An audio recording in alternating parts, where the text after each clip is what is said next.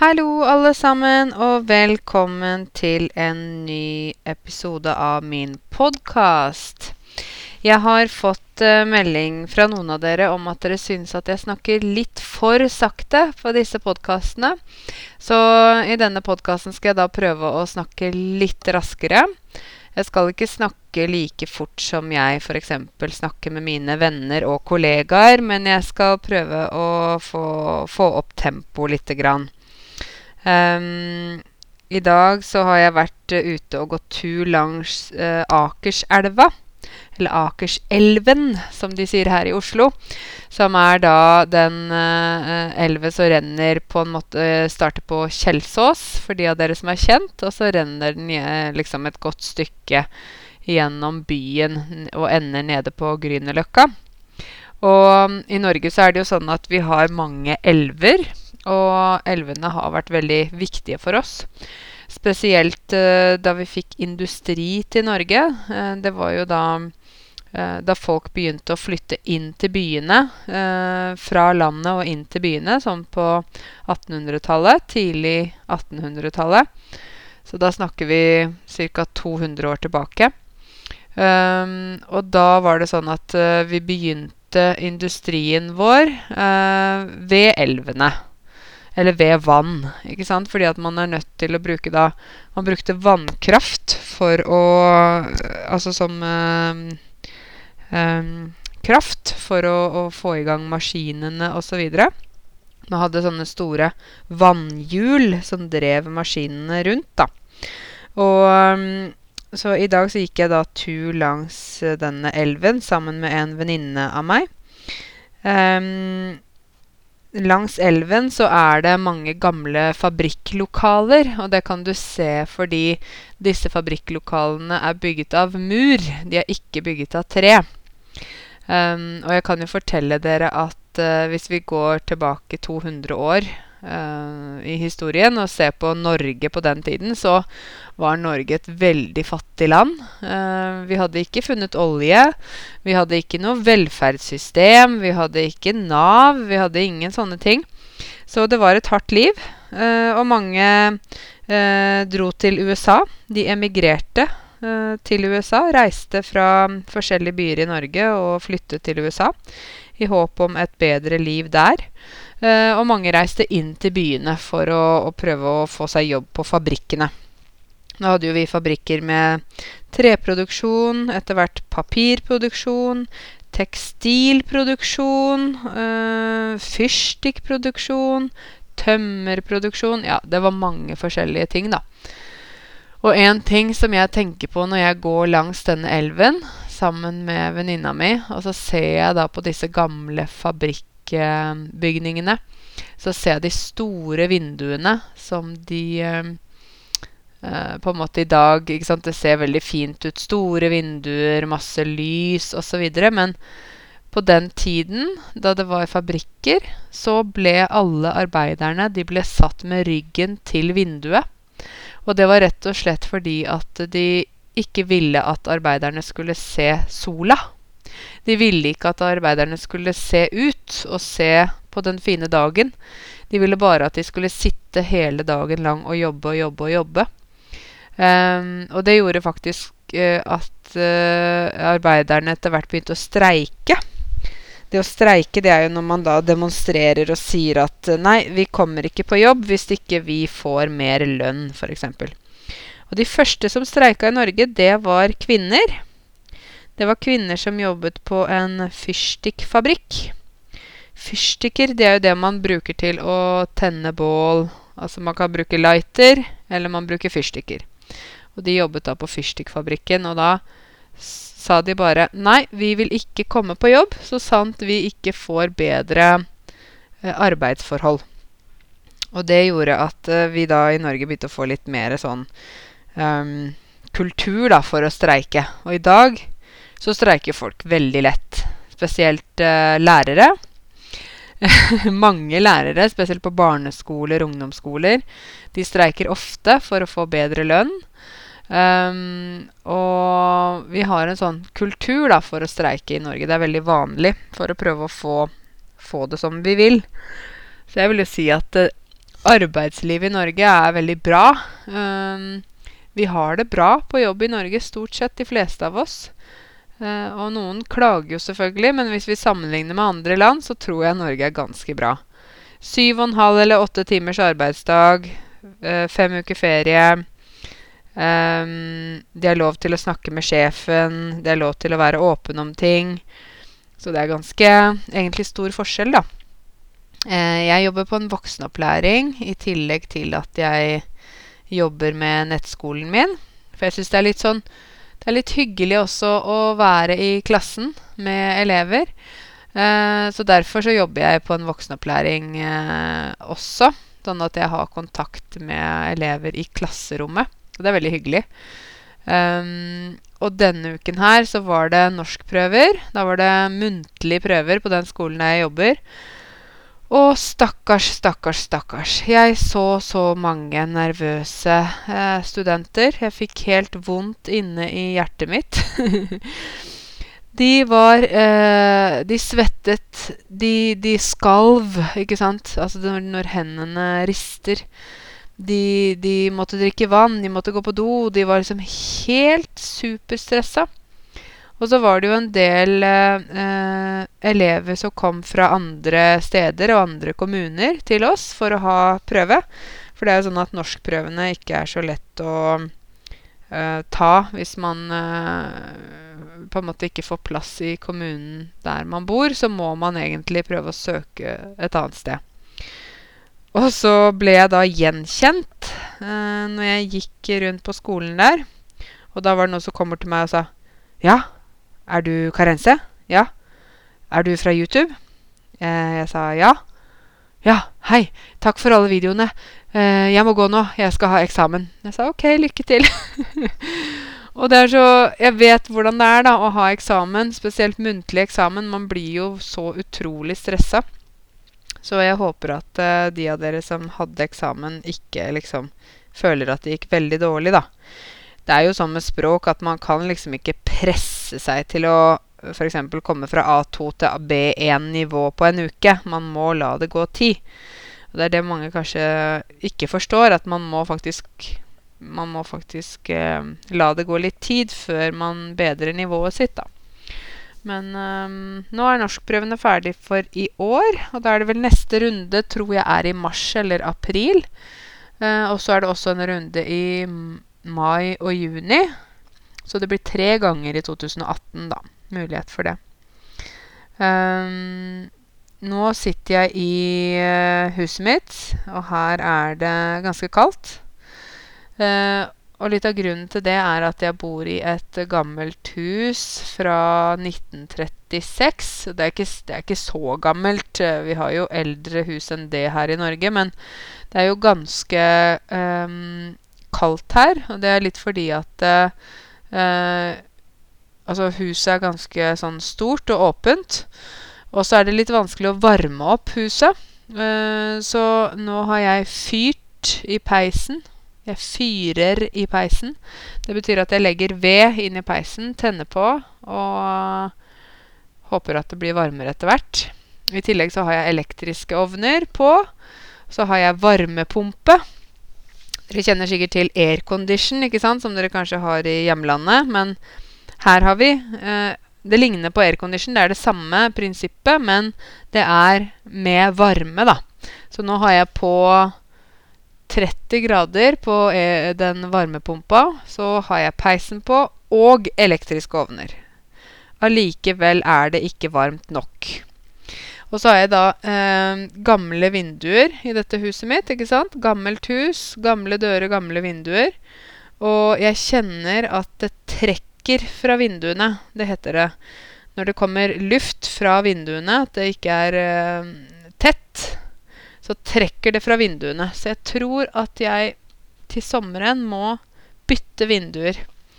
Men uh, jeg kan ikke gjøre det nå, fordi at uh, det blir veldig vanskelig å åpne opp og bytte vinduer nå. Jeg tror jeg bare får vente. Så jeg har sånne uh, persienner for da, foran vinduene, sånn at det ikke skal trekke. Det heter å trekke. At ikke lufta skal trekke så veldig inn her, for det er jo veldig kaldt. Nå er det minus seks eller sju her jeg bor. Eh, men husene som vi bygger nå, da, de moderne husene, de er isolerte eh, på en bedre måte. Og noen av de har gulv som det er eh, Det heter vannbåren varme. Altså at det er, det er rør med vann i gulvet. Så man kan skru på liksom eh, Man kan skru på en knapp, og så bl blir gulvet varmet opp. Og hvis gulvet blir varmt, så blir på en måte hele leiligheten eller huset varmt, da. Men her jeg bor, så har jeg gamle tregulv, noe som jeg egentlig syns er veldig fint. Men det er kaldt. Så da bruker jeg tøfler inne. Eh, det er jo litt sånn her i Norge at vi, vi, tar av oss skoene når vi besøker folk, eller når vi er inne hos oss selv. Um, og det er jo fordi at det er skittent ute, og vi kan ikke gå med de skoene inne. Mens i mange land så er det kanskje ikke skittent ute. Man kan gå med skoene inn og ut og inn og ut. Men her så er det ikke vanlig. Det, det går ikke å bruke de uteskoene inne. Men vi har jo tøfler, da. Så jeg har sånne tøfler laget av ull. Så da fungerer det greit. Um, I går så var jeg og gikk tur med min venninne Amna igjen. Vi er egentlig turvenninner. Men da var det jo is hele veien der vi skulle gå. Vi skulle gå ei mil eller rettere sagt ti kilometer. Så da hadde vi eh, sko med brodder. Vi hadde begge brodder på skoa. Det er sånne gummigreier som du tar under skoen. Um, og det var en ganske krevende tur, fordi at uh, selv om du har brodder, så kan du miste balansen. Vi sier at vi mister balansen, og at uh, man kan jo falle. Så det gikk bra, men vi måtte konsentrere oss veldig når vi gikk der. Uh, det er jo sånn at vi nordmenn vi er ganske flinke til å gå på is. Uh, noe av grunnen til det er jo at vi har gått på is hele livet. Fra vi er små, ikke sant, så går vi på isen, og vi um, vet ganske godt hvordan vi skal sette foten ned på bakken for å ikke falle. Eh, så mange av dere har kanskje sett at nordmenn bare de, altså Når de går på is, så ser det ut som de bare går helt vanlig. At de ikke tenker på det i det hele tatt. Men vi tenker på det, men vi bare Vi vet hvor vi skal sette foten da, for at uh, vi skal få tyngdepunktet på et sted, slik at vi ikke faller. Men av og til så eh, beregner vi feil og faller. Men det som er veldig rart med nordmenn når de faller på isen, er at de kommer seg fort opp igjen. Veldig fort. Selv om det er vondt, selv om de har slått seg skikkelig, så går de sånn rett opp igjen. Og da um, er de egentlig veldig flaue for at de har falt. For, uh, for de, altså, nordmenn bør ikke falle. Ikke sant? Vi bør klare det der bra. Og så liker de ikke at noen spør 'Å, gikk det bra? Gikk, hvordan går det med deg? Eh, slo du deg? Har du vondt?' Det liker de ikke. Hvis du ser en nordmann som faller på isen, og hvis den personen da kommer fort opp igjen og bare går videre, da må du ikke Ikke spørre de hvordan det går. Ikke gå etter de. Ikke spør om du skal hjelpe de. Bare la de gå videre, og ikke kommentere noe. Og hvis du kommenterer, da blir de flaue. De vil Nei, de blir helt sånn De liker ikke det. Så vi er, vi er veldig rare folk, må jeg bare si, altså. Vi nordmenn er rare folk. Noen ganger så tenker jeg stakkars dere som skal prøve å bli kjent med nordmenn, fordi vi er ikke så veldig lett å lese. Jeg vet ikke om dere har sett ansiktene våre, ikke sant? Eh, kanskje der du kommer fra jeg, Dere kommer jo fra mange forskjellige land, men nordmenn har ikke så veldig ekspressivt uh, ansiktsuttrykk. Altså det betyr at det er veldig vanskelig å lese hva vi egentlig mener, eller hva vi føler. For uh, når du ser på en nordmann som kanskje egentlig er sur, så er det veldig vanskelig å se det i ansiktet. Øynene er de samme, munnen er kanskje det samme. Kanskje de ja, liksom, de uttrykker ikke Bruker ikke hendene til å gestikulere. De hever ikke tonen. Altså, de sier ikke 'Hva sa du?' Det vil du ikke høre en nordmann si. De, kanskje de blir litt mer sånn Ja, ja vel, det går bra. Ja. Men for mange så er det veldig vanskelig å forstå, da. Betyr det nå at den personen er sint, eller hva, hva er det egentlig Hva betyr dette her? Så mm, med nordmenn så er det sånn at uh, selv om man har bodd i Norge altså i 20 år, så kan det fortsatt være folk som ikke forstår kroppsspråket vårt, da. Um, jeg hadde en elev uh, i dag som, som, spurte meg om uh, Han hadde samfunnsfagkurs. Han hadde samfunnsfagkurs på nett. Og så snakket vi om Vi hadde siste um, leksjon i dag. Uh, snakket om liksom kapittel 5 og 6 og 7. Det er totalt syv kapitler da, i det samfunnsfagkurset på 50 timer.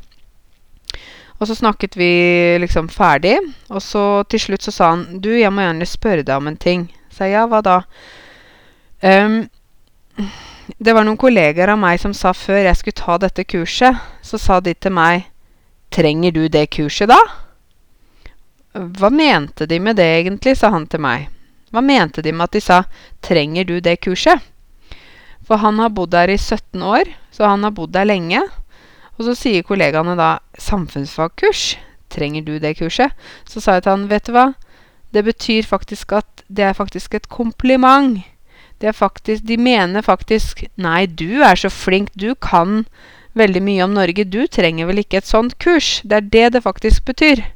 Så egentlig så sa de noe hyggelig til deg. Og da sa han eh, Var det hyggelig? Jeg sa ja, men igjen så er det vanskelig å lese oss. Han sa ja, det er veldig vanskelig. Jeg forsto ikke at de mente at jeg var så flink og kunne så mye om norsk ø, samfunn og kultur at de mente at jeg ikke trengte kurset fordi jeg allerede hadde nok kunnskap. Så sa jeg nei, det er nettopp det som er veldig vanskelig. Uh, det er nesten umulig å lese oss, da. så han sa ja, selv etter 17 år så er det fortsatt ting jeg da ikke forstår. Og det sier jo litt om, uh, om hele systemet, da. Hvordan, hvordan, vi er. Vi er veldig vanskelig å lese. Um, jeg har jo en hund som heter Bahia, som nå kommer bort til meg og vil kose. Jeg har jo en uh, Hun setter seg ved siden av meg her jeg sitter nå. Og det er en border collie. Og hun er uh, fem år. Uh, jeg kjøpte henne i Stavanger. Altså, egentlig kommer hun fra et lite sted som heter Tau. Som ligger litt utenfor Stavanger. Og det var i 2012, da jeg hadde kommet tilbake fra Zanzibar, at jeg hadde bestemt meg for at jeg ville ha en hund. Og så er det sånn at um, i min familie så har vi alltid hatt border collie. Det er liksom den hunderasen vi har hatt.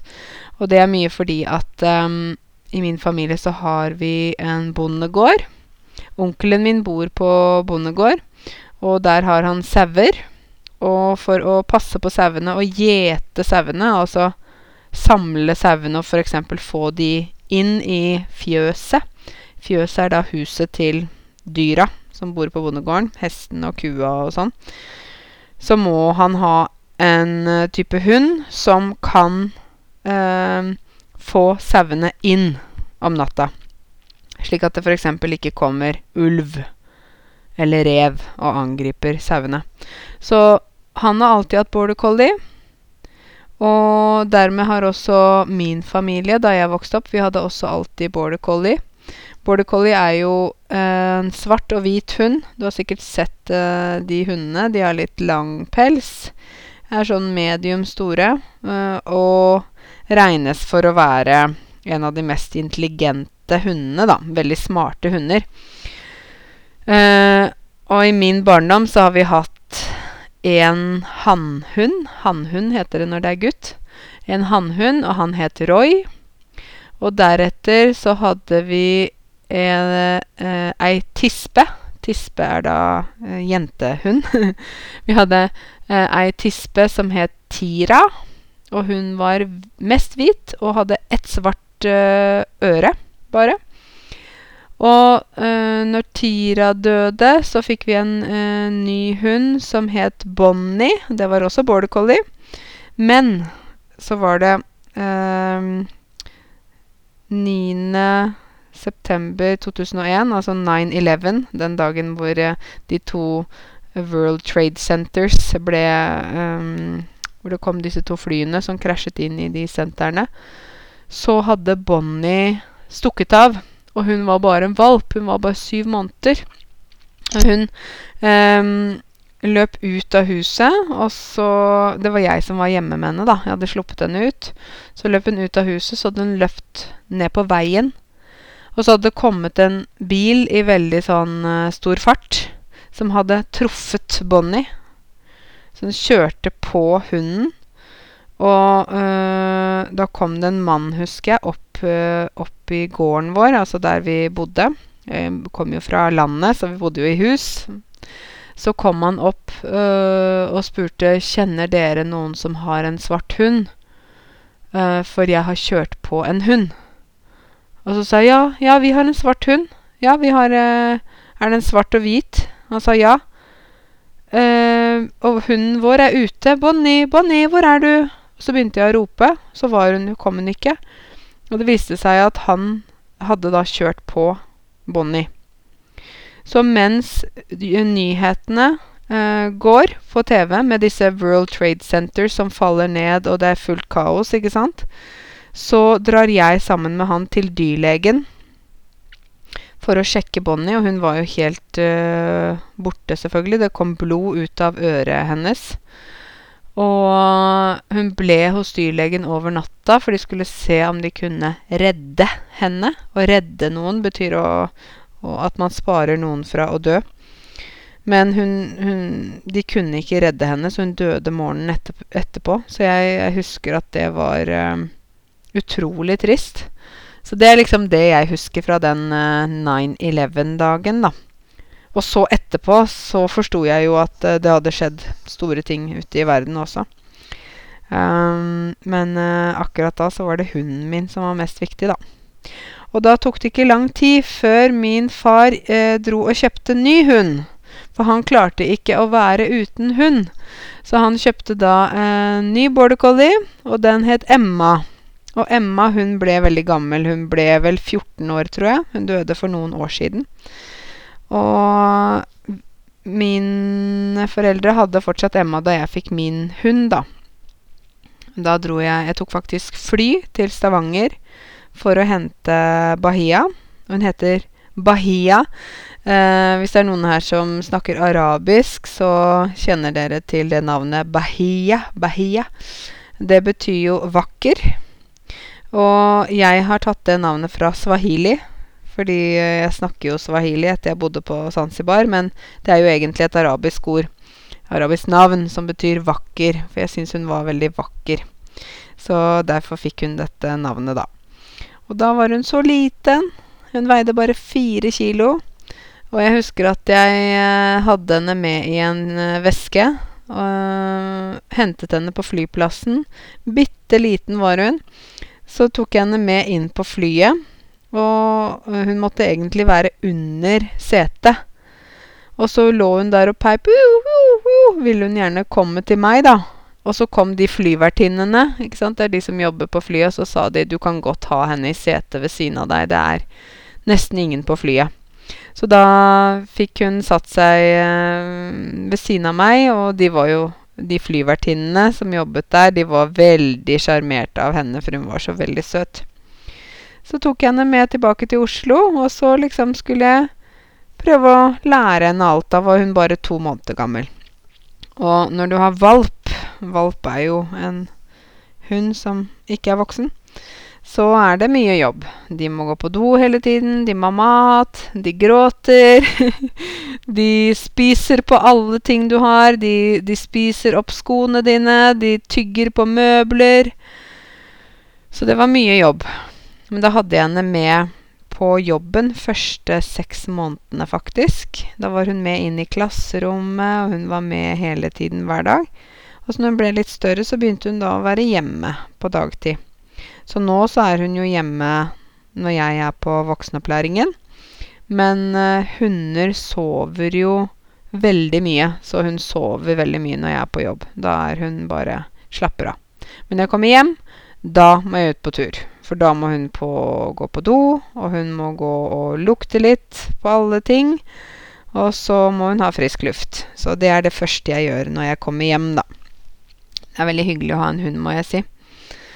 Um, jeg lagde jo en video på fredag om julebord. Jeg vet ikke om dere har sett den YouTube-videoen jeg la ut. Men på fredag var jeg på julebord med de kollegaene jeg har på voksenopplæringen der jeg jobber. Og uh, vi var på en italiensk restaurant i Oslo. Um, og det var jo uh, veldig god mat. Uh, jeg fikk i hvert fall god mat. Det var jo forretten. Da fikk jeg en caprese-salat. Um, mens kollegaene mine fikk uh, sånne forskjellige italienske skinker. Parmaskinke Hva heter det? Corizo, chorizo-pølse. og noen oster og sånn. Og fordi jeg er vegetarianer, så spiser jeg jo ikke disse skinkene, så da Men uansett så var det veldig, veldig god mat. Um, og så var det hovedretten. Og da var ikke kollegaene mine så fornøyde, de som hadde valgt kjøtt. For de syntes at kjøttet hadde litt lite smak. Men når jeg fikk min uh, hovedrett Hovedrett er jo den uh, største retten når man spiser på restaurant. Da fikk jeg pasta med tomatsaus, og så var det aubergine på toppen, og ost. Og litt urter. Urter, ikke sant, basilikum og sånn. Og så litt parmesan på toppen. Og da sa alle kollegene 'Oi, Karense, hva er det du spiser?' 'Å, det så veldig deilig ut.' Så sa jeg ja, ja. Sånn er det når man eh, bestiller vegetarmat. Det pleier å være alltid å være godt. Da var de litt misunnelige på meg, da. Um, jeg trodde at det julebordet skulle bli litt mer fest enn det det ble, men uh, noen av lærerne der jeg jobber, er litt eldre. Så klokka ni-ti Ni-ni-ti, det betyr ni eller ti. Da, da sa de bare ha det bra, takk for oss, og nå går vi hjem. Så satt jeg der, så tenkte jeg OK, uh, er dere ferdig med middagen, og da er dere ferdig med julebordet? Så jeg ble litt overrasket, faktisk. For jeg tenkte at det kom til å bli litt sånn fest utover natta. Men uh, det ble det ikke, for mange gikk hjem tidlig. Um, jeg tror kanskje det var det at mange var slitne. Mange av lærerne hadde vært uh, sensorer og eksaminatorer på norskprøvene. Så de ville vel egentlig bare hjem og slappe av. Så jeg forstår jo det også. Men jeg var jo egentlig klar for å feste og danse. Men det ble det ikke. Så da får jeg heller ta den festen en annen gang. Jeg syns jo det er veldig gøy å danse. Eh, mange nordmenn er veldig sånn stressa når det gjelder dans, fordi at de føler at de ikke klarer, eller at de ikke har rytme. um, men jeg tenker at du, man må jo bare følge rytmen. da, Man må bare følge musikken, og så må man prøve så godt man kan å ja, uh, bare danse eller bare gjøre noe, liksom. Så jeg vet ikke hva dere danser, men, uh, men jeg danser egentlig alt mulig. Jeg, klarer ikke danse en spesiell dans, da, men uh, uh, jeg skulle gjerne lært meg samba og salsa. Det hadde vært veldig gøy. Men da må man jo gå på kurs, kanskje, eller noe sånt. Og det har jeg ikke tid til akkurat nå. Men, men ja. Um, nå sitter jeg i, som jeg sa, jeg sitter jo i mitt kalde hus, og jeg har nettopp pyntet til jul. Jeg har uh, tatt frem nissene mine. Vi har jo nisser her i Norge. Det er jo veldig viktig for oss med nisser når jula kommer.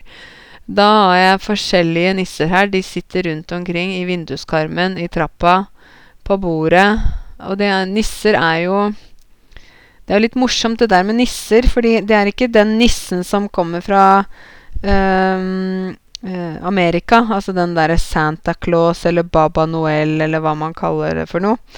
Uh, den norske nissen er uh, sånn fra eventyrene, da. Fra gammelt av så trodde de at på gårdene og rundt husene og ute så bodde det små folk og små nisser. Og dette er jo sånn fantasi, så du må ikke tro på meg nå når jeg forteller om dette, men det er bare for å fortelle litt om det, da. Uh, og de trodde da før at uh, nissene, de, uh, de, var liksom med menneskefolkene, da. Men menneskene kunne ikke se dem. De var på gården, men man kunne ikke, man kunne ikke noen gang se de. Uh, de kunne uh, gjøre ting. F.eks. de kunne stjele ting fra uh, huset. Eller de kunne også gjøre gode ting. De kunne liksom på en måte hjelpe menneskene, da. Um, og man likte jo godt å fortelle fortellinger om nissen før. Og de lagde en sånn teori på at nissen, han spiser grøt. Så vi har alltid sånn tradisjon 23.12. i min familie at da setter min mamma ut et fat uh, med grøt. Du vet, grøt, det er ris og melk. og der er det smør, kanel og sukker. Så setter hun ut det fatet. Og da jeg og min søster var små, så venta vi alltid og var veldig spente på julaften. Altså 24. desember, når vi våkna, så gikk vi direkte ut og så om grøten var borte. Og det var den oftest. Så ikke vet jeg hvordan den grøten ble borte. Om det var en nisse som kom og spiste, eller om det kanskje var noen dyr. Men i hvert fall så var alltid grøten borte, da. Og så sto mammaen min og smilte med litt sånn lurt smil, så jeg vet ikke om kanskje hun har gjort noe også, da. um, men i hvert fall så er um, dette med nisser litt sånn morsomt, og vi pynter jo med nisser rundt omkring i huset. Noen nordmenn har utrolig mange nisser. De har nisser overalt. Uh, jeg har en kollega som har nisse Hun, hun sa til meg at hun hadde 200 nisser eller noe sånt i huset sitt. Og da tenker jeg at det for meg så er det altfor mye. Det er sånn uh, Det blir helt overdose av nisser. Men uh, litt pynt syns jeg det er greit å ha. Så hvis dere går på noen butikker, f.eks. Nille eller eh, andre steder, jeg vet ikke, Europris eller noe sånt, da er de masse nisser. Kan dere kjøpe dere en nisse bare for moro skyld? Da pleier vi å ha de oppe i desember. Um, jeg må fortelle dere litt om en uh, Hva heter? Et program jeg så. Jeg ser jo ganske mange programmer på NRK fordi at uh, um, jeg vil følge med på det som skjer, og i tillegg så bruker jeg det mye i undervisningen min. Jeg anbefaler jo ofte elevene å se på uh, programmer, slik at vi kan diskutere programmer Jobbe med vokabulær, jobbe med uttale osv. Det er jo da gjerne elever på B1, B2, C1-nivå. Uh, og jeg så en episode, den siste episoden av Brennpunkt. Så hvis du søker på Google, kan du skrive B-R-E-N-N-P-U-N-K-T. Brennpunkt. Og det var en episode som het Rasekrigerne. Um, og det er ikke noe sånn Det er ikke noe sånn veldig hyggelig å snakke om, men jeg må bare fortelle dere, fordi at jeg ble helt, jeg ble helt sjokkert. Da er det altså uh, en uh, gruppe mennesker uh, som har laget et politisk parti.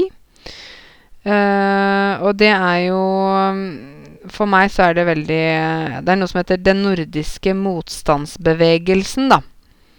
Og de har ekstreme holdninger. De finnes i Sverige, Norge, Finland. Ikke Danmark, tror jeg. Det er et politisk uh, på en måte parti, eller en uh, politisk organisasjon, som da sier at uh, Nei, vi må beskytte den nordiske rasen, og vi må Altså, de er rett og slett nazister, da.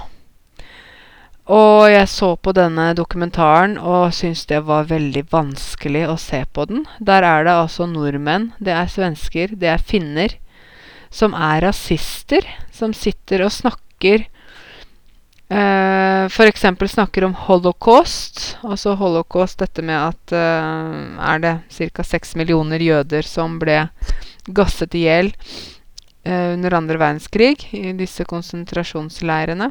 De snakker om holocaust, om at det ikke har skjedd. De fornekter det.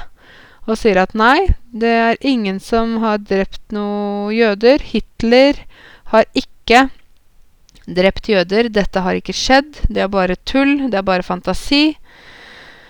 Og det finnes sånne mennesker i Norge i dag som, som tror på det. Og jeg syns det er veldig mm, både sjokkerende og det er veldig skremmende.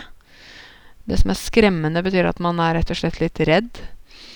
For uh, de har faktisk uh, laget denne her organisasjonen, og de prøver å få flere medlemmer. De uh, har sånne parader, eller marsj. De går gjennom byer med flagg og alt mulig. Um, og jeg tenker at det som skjer nå i Europa med høyreekstremisme, eller at det er mange høyrepolitiske partier som da ikke ikke vil f.eks. De er imot innvandring, de, er, de vil ikke ha flyktninger osv. Jeg personlig syns det er veldig skummelt at uh, det er liksom Vi sier på norsk at det er en oppblomstring. Oppblomstring betyr mer blomster, mer av noe. Det er en oppblomstring av slike partiers popularitet. Og det påvirker jo uh, hele Europa. Dette er jo dette med Trump og sånne ting også. Uh, jeg syns det virkelig er skummelt at vi har en uh, At det finnes en amerikansk president som egentlig uh, Sånn som jeg ser han, ikke egner seg som president. Ikke bør være president. ikke har nok kunnskap og nok kompetanse til å være president. Han uh, er jo nå i liksom, konflikt med Nord-Korea, med de, deres leder Kim Jong-un. Og begge de to, altså både Donald Trump og Kim Jong-un, er jo mennesker som vi sier at de er tikkende bomber. Tikkende bomber. Du vet en bombe? Den tikker. Tikk, tikk, tikk, tikk, tikk, tikk, tikk. Vi vet ikke når den uh, eksploderer. Ikke sant? Og det er litt sånn med Trump og, og Kim Jong-un også. Vi vet ikke når de eksploderer. Hva kommer til å skje? Og Nord-Korea skyter jo opp uh, atomraketter. Uh, skyter ut i havet. Det kommer ganske nær Japan, f.eks. Uh, jeg hørte nå at på Hawaii så begynner de nå å mobilisere uh, beskyttelse i forhold til Nord-Korea. Og jeg syns det er kjempeskummelt at at uh, f.eks. at Donald Trump er president. Han har ikke kunnskap om uh, nok kunnskap om forskjellige land. Han har ikke kunnskap om hva et demokrati egentlig er. Han uh, altså, ikke sant, Nå har han jo sagt at Jerusalem er Israels hovedstad. Og det er jo veldig for mange muslimer rundt om i verden som protesterte i helgen. Det var i Malaysia, det var i Libanon, det var selvfølgelig i Palestina, det var i India Altså flere steder i verden så protesterer de. For øh, han går liksom bare inn, og så bare sier han Ja, sånn er det, sånn er det, sånn er det. Og uten egentlig å ha kunnskap om hva som ligger bak, da.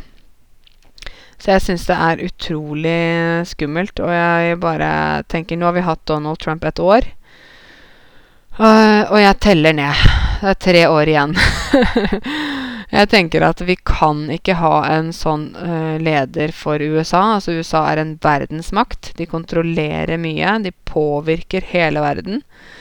Og jeg tenker at vi bare Vi kan ikke velge f.eks. Donald Trump igjen. Det går bare ikke an. Han er rett og slett, i mine øyne og dere vet at i Norge har vi ytringsfrihet. Vi kan si hva vi mener. Jeg mener han er udugelig. Det betyr at han ikke klarer denne jobben. Og jeg syns det er helt forferdelig at han er USAs president. Det må jeg bare si. Det er min mening. Og meninger får vi lov til å ha. Du kan være enig med meg, eller du kan være uenig med meg, men vi har lov til å ha meninger i Norge, da.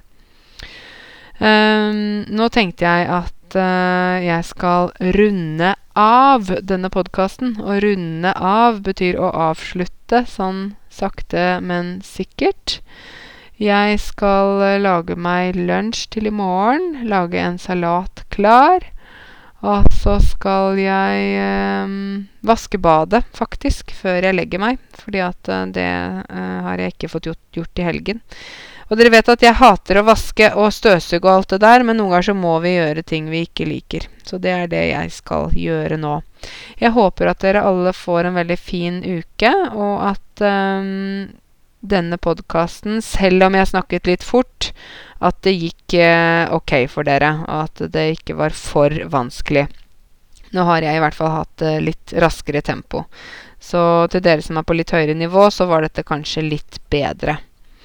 Um, uansett, fortsett å uh, se på YouTube. Det kommer stadig nye videoer. Og følg med på NRK.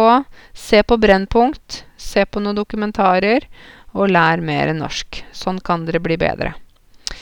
Da sier jeg ha det bra fra både meg og Bahia.